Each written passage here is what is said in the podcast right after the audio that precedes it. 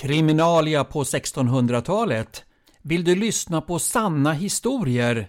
Olika rättsfall som handlar om mord, dråp och dödsdomar runt omkring på Falbygden. Jag misstänkte väl det och därför så kommer jag läsa upp åtskilliga sådana ärenden, både långa och korta och sådana som slutar med avrättning eller att de blev frikända. Sånt vet man aldrig i förväg. Kriminalia Rättsfall från Falbygden runt mitten av 1600-talet som berör mord, dråp och dödsdomar. År 1645, den 29 april, Falköpings rådhusrätt. Här framfördes för rätten Hans excellens riksmarskalkens välborne herr Åke Axelssons gårdsfogde på Sjögarås vid namn Hans Olofsson. Och denna gårdsfogde anklagades av hustru Gunilla Arvidsdotter här i staden som var den salige, alltså avlidne Lars Anderssons änka såväl som hennes salige mans släkt eftersom denne Hans Olofsson hade övat slagsmål med hennes man och då hade huggit i hans huvud så att han nu för åtta dagar sedan hade avlidit. Detta bråk hade skett på följande sätt, vilket Hans Olofsson inte kunde neka till. Det började med att denna Lars Andersson, som nu är död, slog sig ner i Olof Ambjörnssons bod och köpte sig där en kanna öl ungefär 2,6 liter. Men den gav han till sin granne Arvid Larsson. Medan de satt där och drack så kom Marcus i Händestorp i Trävattna socken och han var rättare hos landshövdingen välborne Karl Siggesson. Men denne Marcus, han stod ute på gården och var drucken. Där stod också gårdsfogden Hans Olofsson. Därtill var även hans husbondes hustru där.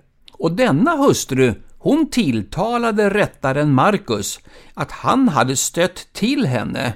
Men om det hade skett med vilja eller våda, det visste man inte.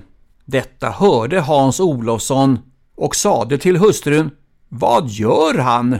Och hon svarade han stöter mig.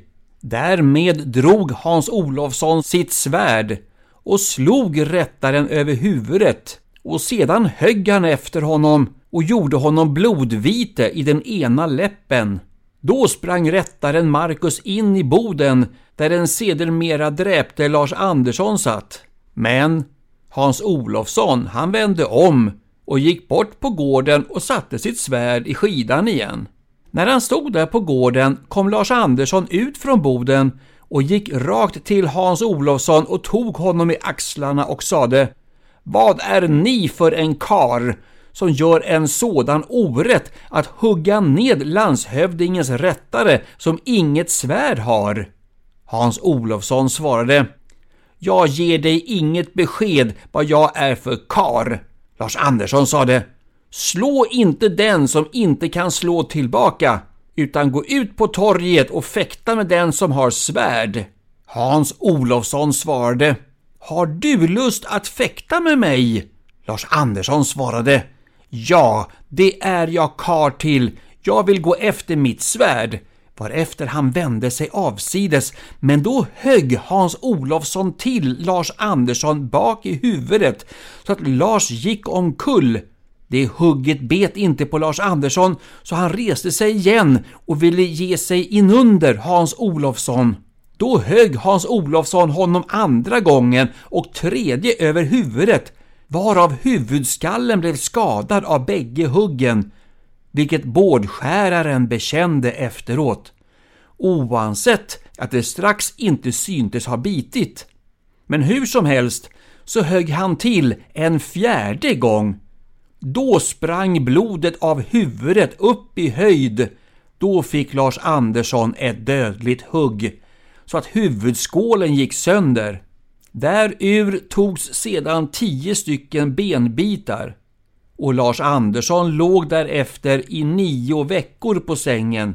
Men sedan gick han upp och reste sina ärenden av och an och gjorde sitt arbete både på logen och annorstädes. Ända tills nu för en månad sedan. Då lades han ner på nytt och låg i tre veckor innan han avled.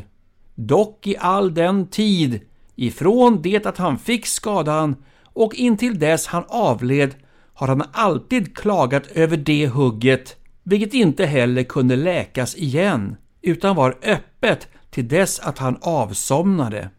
Häradsrätten kunde inte finna något annat utan att Lars Andersson hade dött av Hans Olofssons handverk. Varför han dömdes efter Guds lag, Andra Moseboken, ifrån livet. Målsägarna står inte efter Hans Olofssons liv utan är sinnade att taga skäliga böter ifall den höglovliga kungliga Göta hovrätten vill att han ska få behålla livet. Två veckor senare, den 12 maj 1645, skrev släkten till den döde ett brev till hovrätten. Sammanfattningsvis så sägs bara att dessa två hade stridit mot varandra vid Bartolomeemarknaden runt den 24 augusti och att Lars Anderssons släkt inte ville stå efter Hans Olofssons liv utan gärna ville ta böter.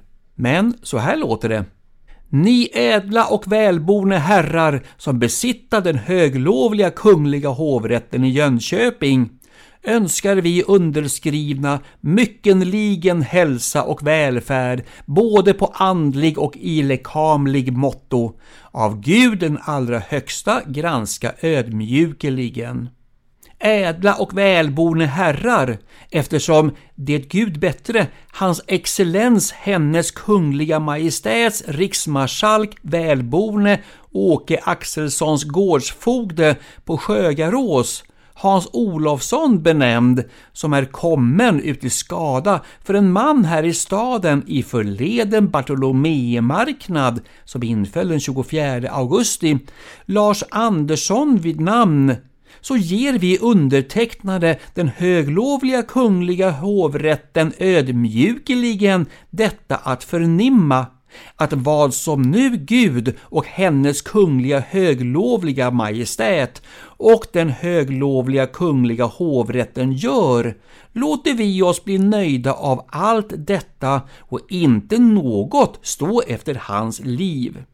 Det vi så ödmjukeligen har låtit den höglovliga kungliga hovrätten få förnimma och vi nu och alltid har den höglovliga kungliga hovrätten under Gud den allsmäktiges beskydd och beskärm, både i andlig och lekamlig motto, troligen och ödmjukeligen befallt, skrivet i Falköping den 12 maj år 1645, Underskrivet Gunilla Arvidsdotter, Olof Ambjörnsson, Olof Björnsson, Lars Svensson, Sven Nilsson.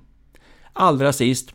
Detta vittnar också pastor här sammastädes att så i sanning är. Jakob Trulsson, pastor i Falköping. Göta hovrätt den 6 november 1645. Hans Olofsson, dråpare, en dom från Falköpings stad över Hans Olofsson som har förledne Bartolomei marknad den 24 augusti 1644 råkat i träta med Lars Andersson och huggit honom över huvudet så att han i år 1645 den 12 april därav har dött. Målsägarna står inte efter dråparens liv, som av häradsrätten är skärskådad. Beslut All den stund detta dråp är skett utan rätt livsnöd. 2. Försåtlighetsvis bak på ryggen med värja mot bara händer. För dessa och flera skäl som finns i häradsdomen kan rätten ej värja hans liv, utan dömer Hans Olofsson att justificeras, alltså avrättas, andra till sky och varnagel. Där borde ärendet ha varit slut, men så är det inte.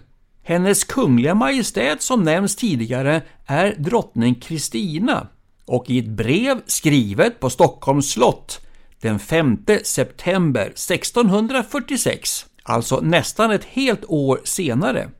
Förskoning för förutvarande herr Åke Axelssons fogde Hans Olofsson. Vi, Kristina, gör veteligt att vi har Hans Olofsson underdånigt låtit föredraga hurledes han nästförledet år 1645 är kommen i skada och har begått dråp på en borgare i Falköping, Lars Andersson benämnd. För vilken gärning skull han har allt sedan dess förhållit sig flyktig, ödmjukligen begärandes att vi ville honom den ogunst och tilltal nådigt eftergiva och förlåta.